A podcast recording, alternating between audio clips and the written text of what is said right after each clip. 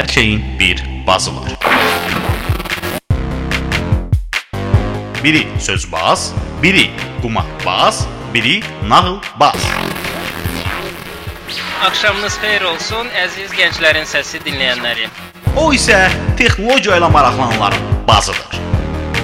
Beləliklə studiyada mən, Böyük Vahid, Hər həftənin cümə axşamı texnologiya ilə maraqlananlar üçün Vahid Qasımovun təqdimatında Texno Bas.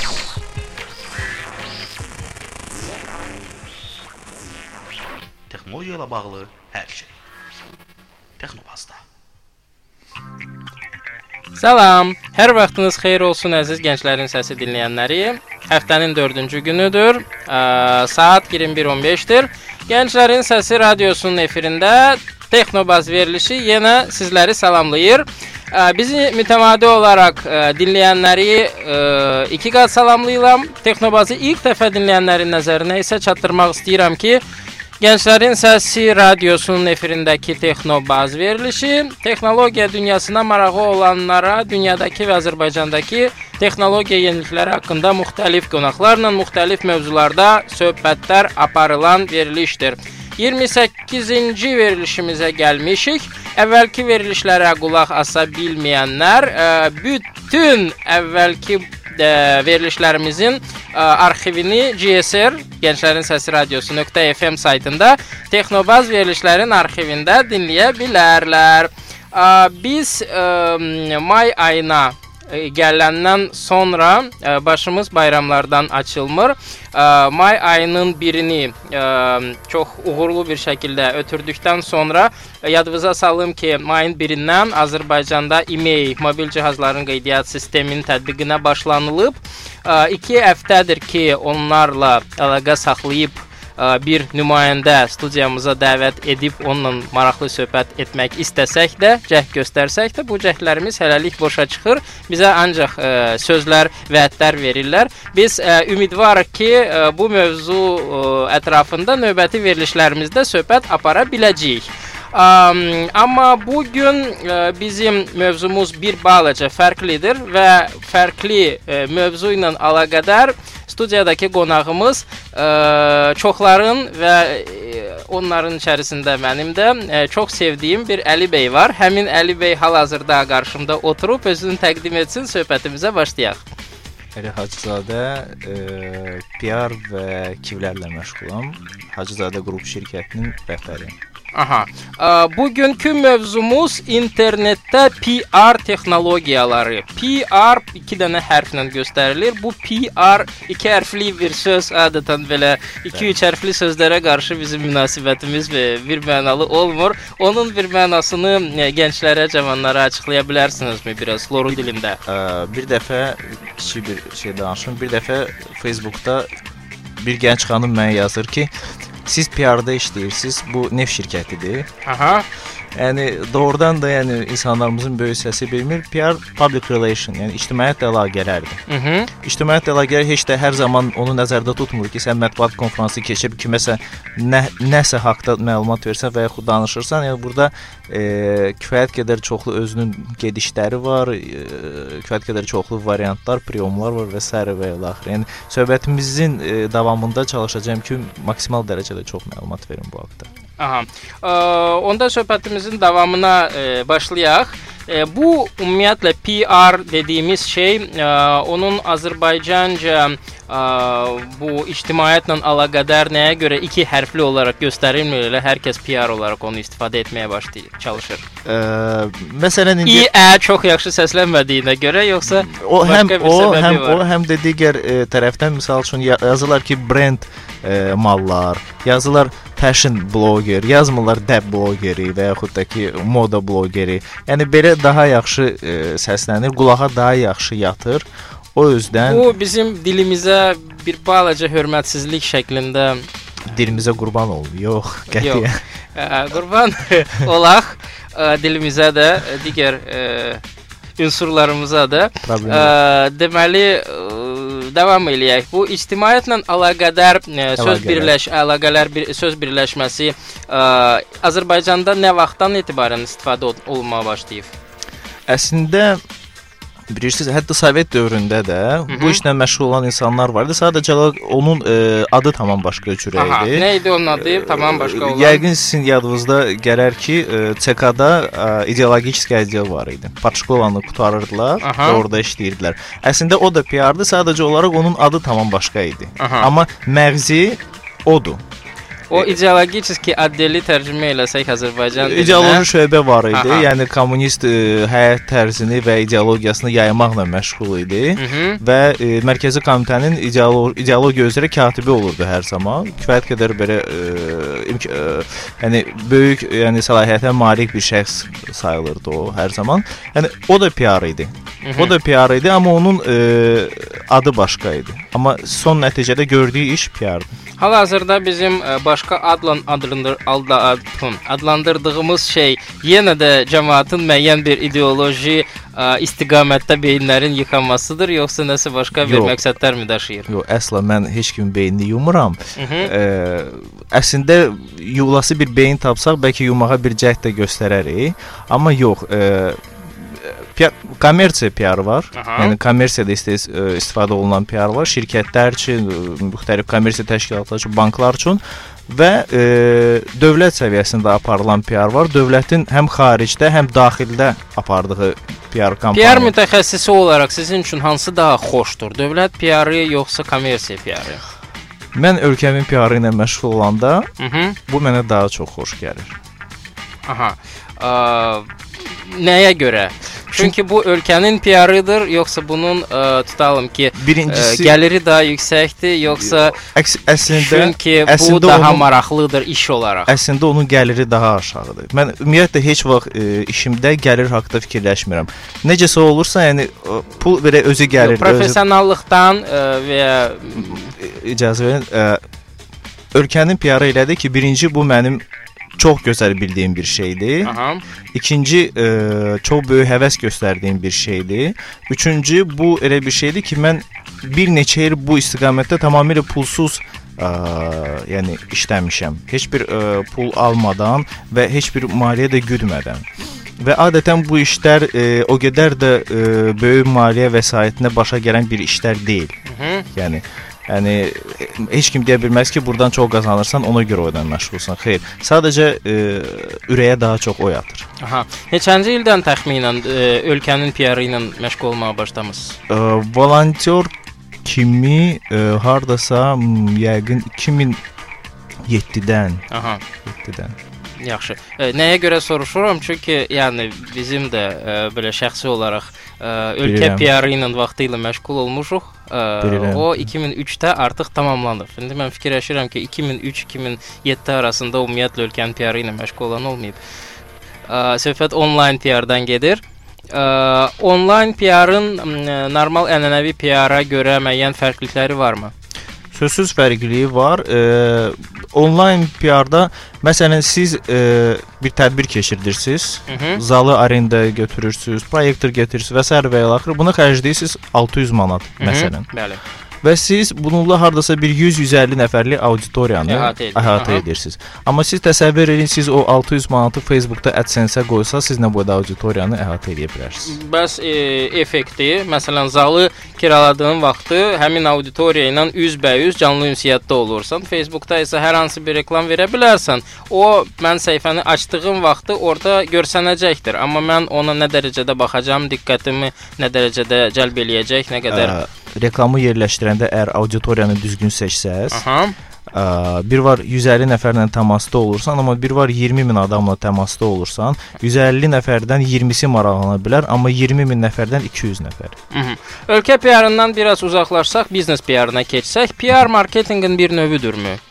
PR-la marketinq belə deyə qardaşlar, amma bəzən yola getmirlər. Ə, nə vaxtı yola getmirlər? Hansı böyükdür, hansı böyük, hansı balaca qardaşdır belə deyək. De, mən PR-la məşğul oluram. Ona görə mən fikirləşirəm ki, PR böyükdür. Marketinqlə məşğul olan adamdan sorsanız deyəcək ki, yox, marketinq. Yox, məsələ demək olarmı ki, tutalım ki, PR ma- marketinqi əhatə eləyir və ya PR marketinqin içərisində yer alan güclü bir qoldur. Mənə elə gəlir bunlar bir bədənin iki qoludur. Hansı sağdır, hansı soldur? Təbii ki, PR sağdır. Ha, PR sağdır. Yaxşı. Ə, PR-ın ə, tutalım ki, marketinq ə, kimi bir qol olduğuna görə ə, marketinqdə m, külli miqdarda belə deyək, vəsaitlər xərclənir ki, ə, biznes üçün belə deyək də onun mühərrikidir. Bəli. Demək olar ki, marketinq. Ə, PR biznesin mühərrikidirmi? PR Yəni bilavasitə satışa onun bir dəxlisi var, yoxsa bu sadəcə şirkətin imici ilə bağlı olan vəziyyətin ə, Əslində, formalaşdırılması ə, üçün əslində- istifadə olunur? image satışla çox bağlıdır. Məsələn, e, Indezit şirkəti Mhm. əgər e, Vyetnamda zavod açıb uşaq əməyindən istifadə edirsə, Mhm. onun nə gözəl marketinqi olsa da, Mhm. ə, Avropada işləri çətin gedəcək. Azərbaycanda demirəm, Avropada işləri çətin gedəcək. Deməli hansısa başqa bir şirkət qara PR-la məşğul olub, onun uşaq əməyini ə, istifadə etdiyini və yaxud da hardasa göstərib. və yaxud da sadəcə bir jurnalist hansısa Kivdən araşdırma da aparıb bunu çıxarda da bilər. Yəni Hı -hı. heç bir ə, başqa bir şirkətin rolu olmadan. Amma onun e, bir yaxşı PR e, mütəxəssisləri olsa, Aha. onlar deyə bilərlər ki, bəli, biz uşaq işlədirik, amma uşaqlar yetim uşaqlardır. Biz onları işə götürməsəydilər, onlar gedib kley inəyəcəklər, pis yola düşəcəklər. Biz Hə. onları işə götürmüşük. Plus biz onlara çox gözəl şərait yaratmışıq. Onların güşələri var. Hə, və ya deyə bilərlər ki, ümumiyyətlə Aziya xalqları onlar belə biraz daha cavan görsənirlər. Əslində Bəli. hərənin 80 yaşı Bəli, var, amma əslində uşaq kimi. onların mədəniyyətində belə bu yaşda işləmək normal. Yəni onun bir sıra yəni variantları var. Aha. Gəlirlər, Yəni demək istəyirsiniz ki. İndizin şirkətinin PR mütəxəssisləri zəifdir. Yox, mən indizdə misal çəkdim sadəcə. Aha. Ə, yaxşı.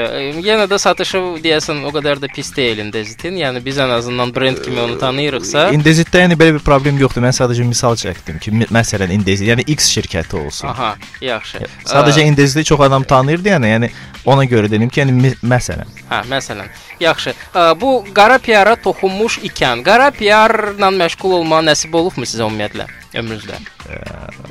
Yəni bilirsiniz, ə, bizim şirkətin də saytında yəni yazılıb ki, əgər müştəri PR-ın ağı istəyirsə, qarası olmaz. yox, Yox. müştərinin pisi yaxşısı olmaz. Müştəri istəyirsə biz onun anonimliyini ə, tam təmin edirik. Aha. və müştərinin işi ilə əlaqədar ə, olan bütün yazışmalar Amerikadakı server vasitəsilə aparılır və o serverdə qalmır. Ümumiyyət bu ilə əlaqədar hazırlanan bütün materiallar sifariş ə, yerinə yetiriləndən sonra məhv olunur. Yəni nə bizdə, nə müştəridə bu işin heç bir sübutu qalmır. Mhm. Sözsüz ki, vergilər ödənir burdan. Mhm. Ə, bəzən yəni bizim işimiz ə, PR-dır. Mən mənim üçün ağ və yaxud qara PR yoxdur. Mənim üçün keyfiyyətli və keyfiyyətsiz PR var. Mhm. Yəni siz qara PR eləsəniz də onun keyfiyyətli olacağına zəmanət verirsiniz. Təbii. Keyfiyyətli bir qara PR-a ehtiyacı olanlar varsa, e, müraciət eləyə bilərlər. E, biz e, radioya müraciət eləsələr, Əli bəyin kontaktlarını Amma verərik. təbii ki, Azərbaycan Respublikasının qanunvericiliyindən kənar çıxmamaq şərti ilə. Okay, yəni sadəcə onda belə bir şey indiyə qədər nəsib olub olmayıb, yəni. E, Mənə elə gəlir bunu biz kommersiya sirri kimi saxlasaq daha yaxşı olar. Vallahi məncə o qədər də ehtiyac yoxdur. Belə bir şey deyək, bu yəni yaxınlarda əslində qonşularımıza qarşı qara PR aparırıq. Hə, hə, Bunu mən siz elə ona Bunun siz gətirəcəydim. bəli ə, şahidisiz. Həm də siz bu şeylərdən ə, yəni daha çox məlumatlı adam kimi siz o məqamları daha tez tuta bilirsiniz. Və əlbəttə ki, onlara qarşı qara PR ə, aparan bir ə, adam ə, istənilən başqa bir ə, sahədə də həmin bilikləri ə, yəni tətbiq edə bilər. Sadəcə isimlər dəyişir. Onun başqa yolu yoxdurmu? Yəni ki, ə, belə deyək də qonşularımızla ə, informasiya müba- şey müharibəsi aparırıqsa, orada müəyyən məqamlarda qalib gəlməyin yeganə yolu qara PR-dırmı? Ə, orada mən deməzdim sırf qara PR-dır, orada miksdir, qarışıqdır. Yəni qarışıqdır. Yəni ə, orada ə, biz onların qaranlıq işlərini ə, aşkara çıxardırıq, amma bu işlər özümüzdən fikirləşib, yəni düzüb qoşduğumuz işlər deyil. Yəni bu doğrudan da real faktlardır və biz doğrudan da real faktlara bu söykənirik. prinsipçə faktların hamısı doğru olmalıdır qara PR-da belə. Çünki əgər olmasa, o zaman səni prosta yalançılıqda təqsirləndirə bilərlər və Onun bu da məhkəməlik bir mütəxəssisləri var. işdir. Onun da mütəxəssisləri var müəllim. Ə, əlbəttə ki, ola bilər. Факты можно подогнать под себя. Yox. Ə, biz ə, elə şeylərlə məşğul olmayaq. Saxtakarlıq siz yox, o biz. qədər ümumiyyətlə ə, yaxşı şey deyil. Təbii. Ə, biz bir balaca belə deyək, ə, söhbətimizi öz aramızda eləməyək. Ə, dinləyicilərimizə açıqlayaq nəyə görə məhz ə, bu həftə biz ə, onlayn PR haqqında danışırıq ə, və nəyə görə məhz sizlə? Çünki niyə? Niyə? keçmiş bir həftə ərzində hardasa və ya daha doğrusu ola bilsin ki, bir həftə bundan əvvəl bir belə deyək, tarix var ki, ümumiyyətlə təqvimdə hansını ki, bizim Ermənistan adlanan qonşularımız ümummilli ağlaşma gününə çevirirlər. Ümumiyyətlə onların 365 günü ağlaşma günüdür. İmtahası bu bunu belə xüsusi, bəli, xüsusi belə vurğulayırlar və onu ə, Ermənistan xalqının, böyük Ermənistan xalqının böyük genosid ə, günü. günü kimi qeyd edirlər. Onlar necə qeyd edirlər onu? Onların şeyləri nədir? İndi- İnstrumentləri. Ə, hər kəs bir cür qeyd edir. Kimisi ə, həmin Ermənistanda yaşadı- bu iş günüdürmü ümumiyyətlə? Ermənistanda iş Yoxsa onlar belə iş başında mı Ermənistan- bu gün? kimi iş başında ağlayır, ki, kimi Çiçinakabert deyilən bir yer var, e, Yerevanın yanında. Orada e, soyqırım, yalançı soyqırım abidəsi ucaldılar. 65-ci ildə ucaldıldı bu abidə. Aha. Yəni təzə bir şey deyil, Sovet vaxtı ucaldılıb. Gedirlər orada ümumxalq ağlaşma günü təşkil eləyirlər. Amma xaricdə yaşayan ermənilər əgər ö o yaşadıkları ölkədə soyqırım abidəsi varsa, gedirlər birinci orada başlayırlar. Ə, sonra da Türkiyə səfirliyinin və yaxud konsulluğunun qabağında türk bayraqlarını yandırmaqla və Türkiyə təhqirlər yağdırmaqla ə, davam edirlər. Bu il ə, biz də qoşulduq onların bayramına. Ə, hesab etdik ki, yəni qonşunun ə, xoş gününə, yəni şad gününə gəlib biz də sevinək. Və Twitterdə bacardığımız qədər onları təbrik elədik. Yəni şərik olduq, yəni Aha, sevinclə. bu belə bir sevincli bir gündə biz e, bir şux bir mahnıya qulaq asaq, ondan sonra söhbətimizə davam edərik. Əla.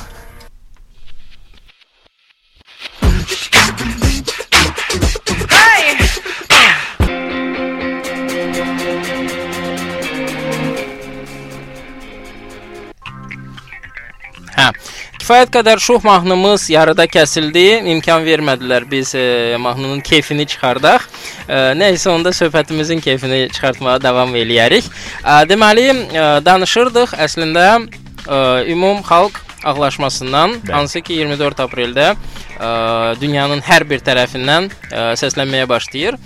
Ə, və ə, bu belə deyək də küçələrdəki aksiyalardır. Onlayn olaraq ə, bunu nə şəkildə ortaya çıxardılar? Onlayn olaraq deməli onlar e, kütləvi e, spam Mən ona əslində spam deyirəm. Kütləvi məktubların göndərilməsini təklif e, təşkil edirlər. Hı -hı. İstər BMT olsun, ATT olsun, Avropa e, qurumlarına və s. Ə, onlayn petisiyalar təşkil edirlər. İstər bu ə, Avropa və yaxud ABŞ qurumlarına olsun, istər BMT və yaxud dünya ictimaiyyətinə ünvanlanmış petisiyalar olsun. Bu cür ə, kütləvi məktubların hər hansı bir xeyri olurmu? Ə, mən sizə belə deyim, hər hansı bir xeyri olur, onda olur ki, məsələn, ə, ABŞ-dakı erməni diasporasının öndə gedən adamlarından biri Van Krikaryandır.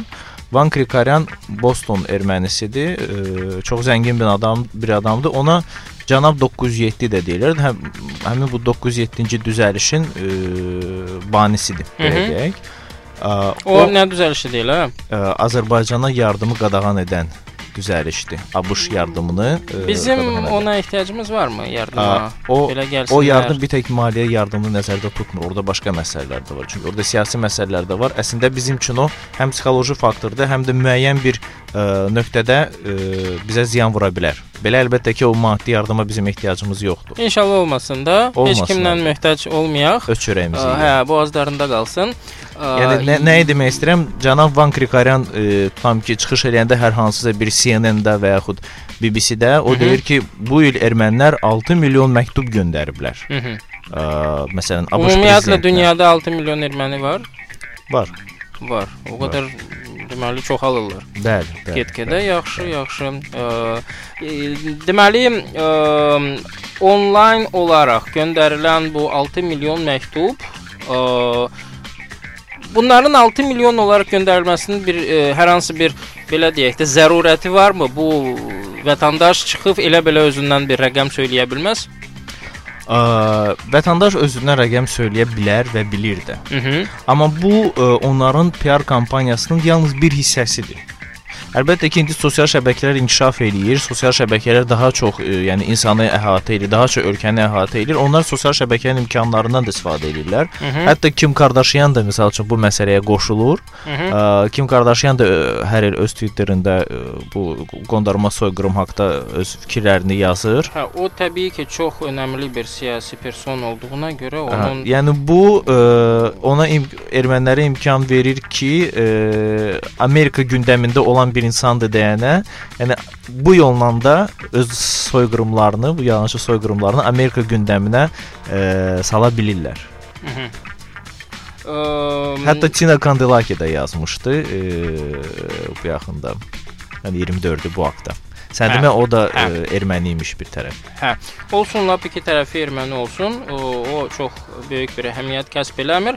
E, necə deyirlər, e, prinsipcə belə deyək də, hər tərəfdən səslənən fikirlərin ola bilsin ki, hansısa əhəmiyyəti ola bilər, amma gerçəyi dəyişdirmədikdən sonra bu sadəcə səslənən səslərdir. Onların başqa bir e, belə deyək də axırlığı yoxdur. Müəyyən təsir eləmək olur. Müəyyən təsir verir bunlar. Əgər hər hansı bir qərar alınmalıdırsa, Bəli. Əgər qərar alınası deyilsə, ümumiyyətlə bütün qərarlar artıq alınıbsa, o daha böyük bir Bu haqqda qərarlar mütəmadi alınır. Hı -hı. Yəni məsələn, hər hansısa bir ştatın senatı, hər hansısa bir ştatın parlamenti Hı -hı. Amerikada tam ki rezolüsiya qəbul edir ki, biz soyqırımı tanıyırıq. Lap yaxşı, lap tanısınlar. Hal-hazırda e, ştatların böyük hissəsi, Hı -hı. böyük hissəsi soyqırımı tanıdığı haqqda e, rezolüsiya qəbul edib. Əgər bütün ştatlar və yaxud da ki onların 90% qəbul etsə, Hı -hı. yəni bu prezidentə, yəni administrasiyaya bir daha bir təzyiq e, bir e, Vasitəsidir. vasitəsidir ki, yəni sizin artıq bütün ştatlarınız tanıyıb. Hı -hı. Qalıb federal hökumət. Hı -hı. Yəni əslində o ştatların tanınması üçün orada böyük bir kampaniya aparılır, böyük bir iş aparılır, maliyyə ayrılır. Bu elə belə, yəni körtəbii şəkildə olunmur bu işlər. Hı -hı. Və tutam ki, hər hansı bir Latın Amerikası ölkəsi tanıyır. Bizdə kimsə düşünə bilər ki, məsələn, Uruqvay tanıyıb nə olsun? Uruqvay heç nə həll eləmir dünyada. Yox, lap yəni 100 il keçəndən sonra, yəni onu tanısalar, onu nə dəyişəcək? Ə, Və bir söz var ideya fix. Hı -hı. Onlar üçün o ideya fixdir. Yəni ə, orada bir neçə nəsil bu ideya fixlə böyüyüb. Hı -hı. Və əgər ə, sənin baban, atan Əgər bu sən- baş versə, bu bir neçə nəsil yazıqlar, ə, necə deyirlər, məqsədsiz qalacaqlar artıq. Bəli. Bəli, məqsədsiz qalacaqlar, amma bunun praktik tərəfi də odur ki, praktik tərəfi ə, ondan ibarətdir ki, onlar Türkiyədən təzminat tələb edə bilərlər. Hı -hı. Onlar Türkiyədən Qarabağ məsələsində bir çox güzəştləri tələb edə bilərlər və bizimlə danışıqlarda onlar əlavə e, üstünlük əldə edə bilərlər. Niyə görə? Çünki avtomatik olaraq bunlar dünyanın da tanıdığı e, soyqırıma məruz qalmış e, xalq e, sayılacaqlar. Dünyanın deyəndə bir dənə ölkənin iştirak etdir. O ölkə elə dünyanın yarısı deməkdir. Bəli. Ə, məhz ona görə mi ə, bu il ə, mənim bildiyim qədər birinci dəfə kütləvi bir şəkildə Xocalı soyqırımı ilə əlaqədar geniş bir kampaniya aparılıb. Xocalı soyqırımının il dönümü idi. Hı -hı.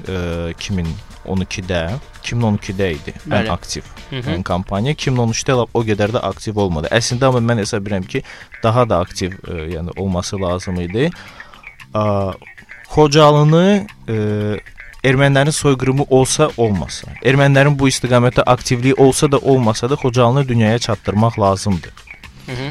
Digər tərəfdən e, ə, 2015-ci ildə ermənilərin qondarma soyqırımının 100 illiyi olmalıdır. Və onların əsas hesabı bunadır. Yəni onlar fikirləşirlər ki, 2015-də biz ə, ABŞ administrasiyasına ə, bütün bu tədbirləri həyata keçirsək, bunu tanıda bilərik. Türkiyə bu istiqamətdə heç bir kontraddım ata bilmir. Yəni inzibati addımlardan başqa. Hı -hı. Yəni, intellektual səviyyədə, elmi səviyyədə heç bir addım ata bilmir. Çünki ə, Türkiyə ə, belə deyək, diplomatiyası, Türkiyədə bu işlərlə məşğul olan adamlar onların ə, strateji və intellektual imkanları ə, əfsuslar olsun ki, o səviyyədə deyil. Onların başı başqa şeylərə qarşı. Hı -hı. Və ictimai səviyyədə də bu haqda aktiv heç bir iş yoxdur. Biz belə deyək də şuurlu vətəndaşlar olaraq, vətənsevər e, vətəndaşlar olaraq e, əlimizdə ən ucuz və belə deyək də ən əlçatan PR aləti olan interneti əlimizdə tutmaqla nə etməliyik bu haqqda? Məsələn, ayın 24-ü Hı -hı. biz Armenian Genocide hashtagini oğradıq. Hı -hı. Düz bir neçə saatlığına oğradıq. Hı -hı. Və onu Xocalı e, haqda Qarabağ haqda, yəni onların Qarabağda törətdiyi e, vəhşiliklər haqda və onların e, soyqırımını təqzib edən məlumatlarla doldurduq. Hı -hı. Bizim, yəni biz deyəndə Bunu daha təşkilatlanmış şəkildə etmək olmazdımı ki, belə deyək də həmin aksiya kimi eləmək ki, aksiyaya qatılan insanların sayı çox olsun, yəni siz 8 tamamilə milyon olmasa belə, heç olmasa Facebookun 1 milyon istifadəçisi bunu edə bilər. Siz tamamilə doğru deyirsiniz. Mən öz bloqumda qoymuşam bu haqqda. Mən o Armenian Genocide hashtagini, -hı. yəni məlumatı yerləşdirə yerləşdirə mən həm də o hashtagı gəzirdim, görüm ki, orada nə tweetlər var. Hı -hı. Türkiyədən cəmisi 2 tweetə rast gəldim. Bloqumda qoymuşam onu. Yəni efirdə ə, demək istəmirəm -hı. onlar orada nə yazmışlar. Yəni mən tam məsuliyyətlə deyirəm ki, onlar bu məsələdə -hı. Yəni iş düşür onda bizim boynumuza. Bizdə də əfsuslar olsun ki, çox adam məlumatlı deyil bu haqqda. Xocalı haqqında məlumatları var bizimkilərin, amma bu Armenian genocide haqqında nə yazmaq lazımdır bilmirlər. Hı -hı. Ona görə o insanların çoxsu bizə qoş ə, çoxsu yox, bəziləri bizə qoşulanda onlar retweet eləyirdilər sadəcə. Məndən və digər akkauntlarda retweet eləyirdilər. Bu da özü də faydalı bir şeydir. Yəni insan birinci bilməlidir Hı -hı. nə yazsın Bəli. və yaxud ona yazsalar nə cavab versin. İkincisi Bu insanların bilməməsini nəyə bağlayırsınız? Yəni insanların bilməməsi ki, dövlət siyasəti Amerikada outdoor reklamların edilməsinə gedib çatır, amma ki, daxilində əgər belə bilinçsizlik varsa, o kimin məsuliyyətidir? hər kəsin öz məsuliyyətidir. Dövlətin e, bilirsiniz hər şeyi dövlət eləyə bilməz. Ermənistanda dövlət burada çox vaxtı seyirci halındadır. Çünki dövlətin nə maddi, nə e, inzibati imkanı yoxdur bütün bu boyda PR kampaniyanı yeritsin və Ermənistan dövlətinin. Ну, orada diaspor söhbəti var. Bəli, orada bununla var. Bizdə dövlət müəyyən addımlar atır. Amma bu iş dövlətin işi deyil və dövlət məmurları bu işi e, o qədər də effektiv görə bilmirlər. Və mən onları qınaya bilmirəm, çünki o dövlət məmurudur. Bu onun işi deyil. Hı -hı. Yəni amma yenə də müəyyən addımlar Ən azından təhsil müəssisələri zamanında elə bir Mən sizə e, belə bir misal çəkim. Bəzi insanlar var hansılara ki mən 3-4 dəfə bu mövzuda treninq keçmişəm. Hı -hı. Və o insanlardan indi soruşsaz, onlar heç bir şey yenə də deyə bilməyəcəklər. Səhv insanlara trening keçmisiniz. Yəni bunu ya təhsil alan ə, 10 il ərzində orta məktəbdə, ondan sonra, sonra 3-4 il universitetdə, bəli. bəli, bəli. bəli. həmin insanlara bütün o boyda insana, bir neçə milyon insana bunu şamil etmək olmaz. Yox, mən konkret bir neçə insanı deyirəm. Hı -hı. Yəni bir neçə insanı deyirəm. Bundan əlavə gəlin çıxaq küçəyə, soruşaq bizim adamlardan Bərdə rayonu işğal olunub ya yox, görək nə deyəcəklər. Mayın 28-i nə günüdür? Soruşaq görək nə deyəcəklər. Aprelin 28-i. Mayın nə gündür? 28-i belə deyək, bayram günü belə olmadıqdan sonra cəmaatdan nə nə gözləyirsiniz? Hər halda o, yəni mən hesab edirəm ki, o kifayət qədər bəhanədir ki, bayram günü deyil və mən bilmirəm bu nə gündür. Təbii ki, ola bilər, ola bilər, amma ki, yenə də mənə elə gəlir ki, Və Aa. Ermənistanda, ermən ermənilərdə ümumiyyətlə biz e, çox vaxt deyirik ki, onların e, tarixi yalandır, hər bir şey yalandır. Amma yalan da olsa onlar bu yalanı bilirlər. hı -hı. Başa düşürsüz? Yəni onun deməyə nə isə var. Bizimki isə e, deyir yox bu yalandır. Amma bu yalandır deməməlisən. Deməlisən ki, nəyə görə bu yalandır? Faktı göstərməlisən. Ну, bu artıq nə, necə deyirlər, milli xalq siyasəti olmalıdır ki, hər kəs ə, eyni istiqamətdə hərəkət etsin ki, müəyyən bir ə, uğura ə, biz ə, çata bilək. Yəni Azərbaycanda bu haqqda kifayət qədər resurslar var. Saytlar var, e, xarici saytlardan da oxumaq olur. Hı -hı. Yəni bizdə kim e, rus dilini bilmirsə də, heç olmasa türkü bilir. Türk dilində bu bu haqqda kifayət qədər ə, material var. Yəni istəyən adam bunu Google-dan tapa bilər, çox asandır. İnstrumentlərdən danışaq. Bizim əlimizdə onlayn hansı alətlər var ki, onlar ən effektivdir Aa, və onlardan necə istifadə etmək olar? iki alət. Məsələn, ə, sayt yaradırsan, -hı. Etibarlı, yaxşı məlumatları bir neçə dildə yerləşdirirsən ora Hı -hı. və bunların ilk saatı gələndə Twitter vasitəsilə, məhz Facebook yox, məhz Twitter vasitəsilə Hı -hı. başlayırsan bunları yaymağa. Niyə Facebook yox, məs Twitter? Çünki e, Facebookda hashtag yoxdur. Facebookda sən e, məsələn mənim bir səhifəm var. Orada 90 min adam var. Hı -hı. Amma 90 min adamın hamısı Azərbaycanlıdır. Mən orada Hı. nə məlumat yer- yerləşdirsəm də özümüz biləcəyik. Hətta onlar götürüb paylaşsalar da onların dostluğunda da olanlar Azərbaycanlı. Bəlkə 1-2 kimdəsə xarici var. Amma biz ə, məsələn ə, ayın 24-ü Armenian Genocide hashtag-ini öz məlumatlarımızı doldurmaqla Hı -hı. Ə, yəni onların reaksiyasından da bilmək olar. Mən hamısı skrin edib qoymuşam saytda. Yəni onların reaksiyasından da bilmək olar ki, biz onlara ə, tamam başqa bir şey göstərdik. Hı -hı. Yəni Armenian Genocide hashtag-inə klikləyən adamlar Xocalı haqqında videoları görürdü, Xocalı haqqında məlumatları görürdü. Bu bizim Xocalı org saytı var. Oradan olan məlumatlar Videolardan söhbət açılmışkən, ə, məsələn, YouTube-u istifadə etmək olmazmı? olar. Təbii ki, olar. Hal-hazırda məsələn YouTube-da nə dərəcədə informasiya dolğundur, tamdır, Ə, kifayətdir. Xocalı ilə əlaqədar, Mhm. Xocalı ilə əlaqədar kifayət qədər Çünki orada bilavasitə bir axtarışla müəyyən şeylərə sözsüz. həm də Google-da da çıxır axtarışda. Xocalı ilə əlaqədar kifayət qədər məlumat var. Hı -hı. Azərbaycan, ingilis, rus dillərində var. Bəli. Alman, fransız biraz zəifdir. Hı -hı. O zəifdir. Amma yenə də ingilis elədir ki, ümumi dildir. Bəli. Yenə də ingilis dilində var. Amma e, erməni e, soyqırımı ilə bağlı, qondarma erməni soyqırımı ilə bağlı cəmsi 5-6 yaxşı video var ingilis dilində. Hı -hı. Amma e, yəni deyə bilmərəm ki, kifayətdir bu, amma yenə də nəsə var. Hı -hı. Sadəcə bunu tapıb istifadə etmək lazımdır. Hı -hı. Amma bu videolar necə videolardır? Bunun yalnız biri türklərin, biri ikisi türklərin çəkdiyi e, sənədli filmdir. Məsələn, Sarı Gəlin filmi. Hı -hı. Digəri isə elmi konfranslardan olan videolardır. Hı -hı. Justin McCarthy-nin, e, Bernard Lewis'in və s. Yəni elmi konfranslardan olan e, videolardır. Amma ermənilərin bu haqqda ən qədər, ən qədər e, bədii filmi var, e, sənədli filmi var, e, çox məşhur aktyorların çəkildiyi filmlər var. Məsəl üçün Ömər Şərif. Ömər Şərifin e, fransız dilində çəkildiyi bir film var. İndi yenə də onlar bir soyqırım haqqında bir film çəkirlər. Məmlən Al Pacino çəkilməlidir orada. Yəni Və siz yenə də deyirsiniz ki, bunu vətəndaşlar eləməli idi, dövlət bunu etməyə qadir bunu deyil. Ermənistan dövləti etmir. Əgər Azərbaycan dövləti bunu etsə, Hı -hı. Azərbaycan dövləti bunu etsə, o dəqiqə deyəcəklər ki, bu dövlətin propagandasıdır.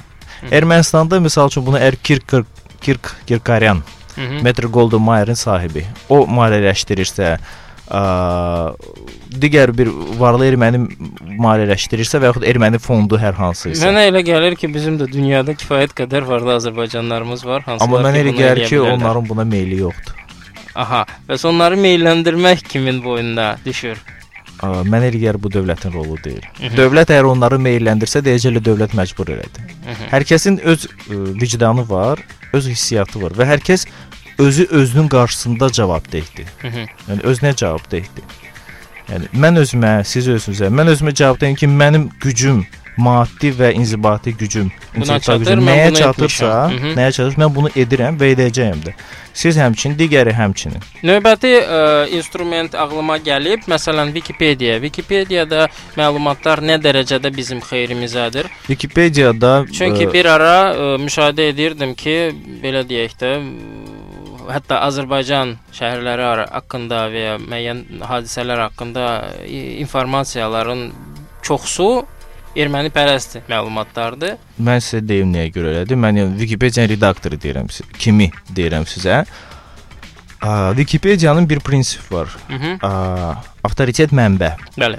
Yəni Wikipedia avtoritet mənbə əsasında yazılır. Hı -hı. Məsələn, hər hansısa ABŞ-ın Əyalət Universitetinin professoru Bəli. bir kitab yazıbsa Sumqayıt hadisələri haqqında və Ziya Bünyadov bir kitab yazıbsa Sumqayıt hadisələri haqqında, o professorun yazdığı daha avtoritet mənbə sayılır. Avtomatik Ziya Bünyadovun yazdığı çıxır. Hı -hı. Lakin o professorla yanaşı, məsələn, e, Berkeley-nin və yaxud Harvardın və yaxud Yale Universitetinin professoru hansısa e, kitab yazıb, o bizə tərəfdir. Hı -hı. Lakin bu əyalət e, professorunun yazdığı bizə tərəf deyil, avtomatik o avtoritet sayılır. Hı -hı. Yəni kimsə bunu tənqid edə bilər, kimsə deyə bilər ki, bu düzgün prinsip deyil və yaxud bu yaxşı deyil, amma bu belədir. Hı -hı. Və əfsuslar olsun ki, yazılı mənbələrin, yəni avtoritet mənbə sayılan, yəni Qərbi Avropada, yəni Avropa Birliyində və ABŞ-da nəşr olunmuş Hı -hı. bu mənbələrin çoxsu onların tərəfindədir. Hı -hı. Nəyə görə bu belədir, o başqa məsələdir. Amma fakt bu belədir. Hı -hı. Yəni orada çox rollar var. Məsələn, e, soyqırımla əlaqədar əgər biz danışsaq, Alman e, səfirini sə, Alman səfirinin yazdığı e, memuarlar var. E, ABŞ e, konsulunun İstanbuldakı ABŞ konsulunun yazdığı memuarlar var. Amma biz baxsaq, e, ABŞ konsulu özü o bölgələrdə heç vaxt olmayıb, İstanbulda oturub. Hı -hı. Amma köməkçiləri, o deyir mənim köməkçilərim xəbər götürür. Köməkçiləri hamısı erməni olub. Hı -hı. Amma onun yazdığı avtoritet mənbə sayılır. Çünki ona e, çoxlu istinadlar var. Aha. Başqa professorlar ona biz bu yaxında bizim e, Amerikada olan e, bir dostumuz bir şey aşkarladı. E, bir blog bloqa belə deyə rast gəldi. Orda e, ermənilərin çox məşhur bir e, soyqırım üzrə onlar ekspert onu deyirlər. E, Van Dadrian Hı -hı. onun e, cinayətləri barədə e, çox maraqlı məlumatlar e, aşkarlandı. E, və mən bu haqqda bir neçə məqalə yazdım. E, digər e, bizim kivlərdə yazdılar. Aşkar oldu ki, bu e, 50-ci illərdə uşaqbazlıqla məşğul olub ABŞ-da, bu Almaniyada, yəni bu e, faşist dövründə o qədər də belə təmiz olmayan əməllərlə məşğul olub və s. və ilə axırı. Və o e, onun bir sıra kitabları var erməni soyqırımı haqqında və o kifayət qədər avtoritetli sayılır. Məhz 24-ü Twitterdə biz bu müharibəni aparanda Hı -hı. Mən belə bir şey elədim. Mən Dadriyanın yazdığını ə, bir erməniyə göstərdim. Dedim, bu düzdür? Dedi, bəli, düzdür. Dedim, Dadriyan yaxşı alimdir. Dedi, bəli, yaxşı avtoritetli alimdir. Dedim, lapayla. Dadriyan əslən hardandır? Dedi, İstanbuldan. Dedim, İstanbulda zəngin erməni ailəsindəndir. Dedi, bəli. Dedim, əgər siz, əgər ermənilər Türkiyədə soyqırıma uğramısınızsa, necə Dadriyanın ailəsi sağ qalıb və bütün var dövlətini də saxlayıb? Hı -hı. onu e, Avstriya, Almaniya və İsveçrə və ABŞ-a göndərməyə pul tapıb. Onun e, uşaqbazlıq əməllərinə görə ABŞ-da 5000 dollar e, zaloq verməyə pul tapıb, girov verməyə pul tapıb. Yəni 55-ci ildə 5000 dollar böyük pul idi. Və onun müdafiəçisi Al Capone-ni müdafiə edən e, advokat, vəkil olub. Yəni çox bahalı bir vəkil. Bütün bu pullar hardan gəlib? Türkiyədən gəlib. Əgər siz soyqırıma uğramısınızsa, necə bu varlı ermənilər qala biliblər orada və var dövlətlərini ə, saxlaya Ya, biliblər? orada? ümumiyyətlə İstanbulun məsələn ermənilərə aid olan obyektləri İstanbulun ən görkəmli, ən mərkəzi yerlərdə Tamamilə doğrudur və tək burada obyektlər deyil, həm də maliyyə qurumları var, banklar. Tutmuş məktəbə, nə bilim kilsəsinə və s. şeylərə qədər. Bəli, yəni ə, çox ba- bəsit bir misaldır, amma əslində bu misalın altında çox böyük mətləblər yatır. Hı -hı. Yəni əgər sən soyqırıma uğramısansa, sən burada necə qala bilərsən? Təbii ki. Əm, yaxşı, onda bəli, gəlin belə eləyək. Əgər onların əlində informasiya mənbələri daha çoxdursa, hansılara ki, daha yaxşı istinad edə bilərlər, biz informasiya müharibəsində ə, qalib gəlmək üçün nədən istifadə etməliyik? Yəni ən azından belə deyək də, əhaliyə görə bizim müəyyən bir üstünlüyümüz varmı və ya ə, o onlayn PR-ında istifadə olunası alətləri biz daha yaxşı, daha səmərəli, daha effektiv istifadə eləsək. Mən sizə belə deyim. Əgər ə, burada iki burada ə, hər zaman ayırmaq lazımdır. Soyqırım məsələsi ilə. Qarabağ məsələsini ayırmaq lazımdır. Mhm.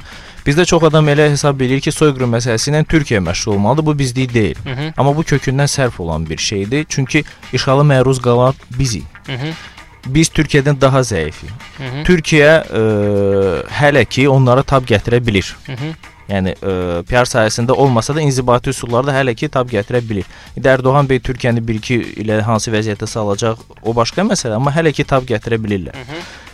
Bizim üçün bu soyqırımın tanınması ə, çox çox çox arzu olunmazdır. Mhm. Biz həm soyqırım istiqamətində işləməliyik, Bəli. həm Qarabağ və Xocalı istiqamətində işləməliyik. Mhm. Yəni bizim boynumuza bax bu iki ə, tərəf düşür.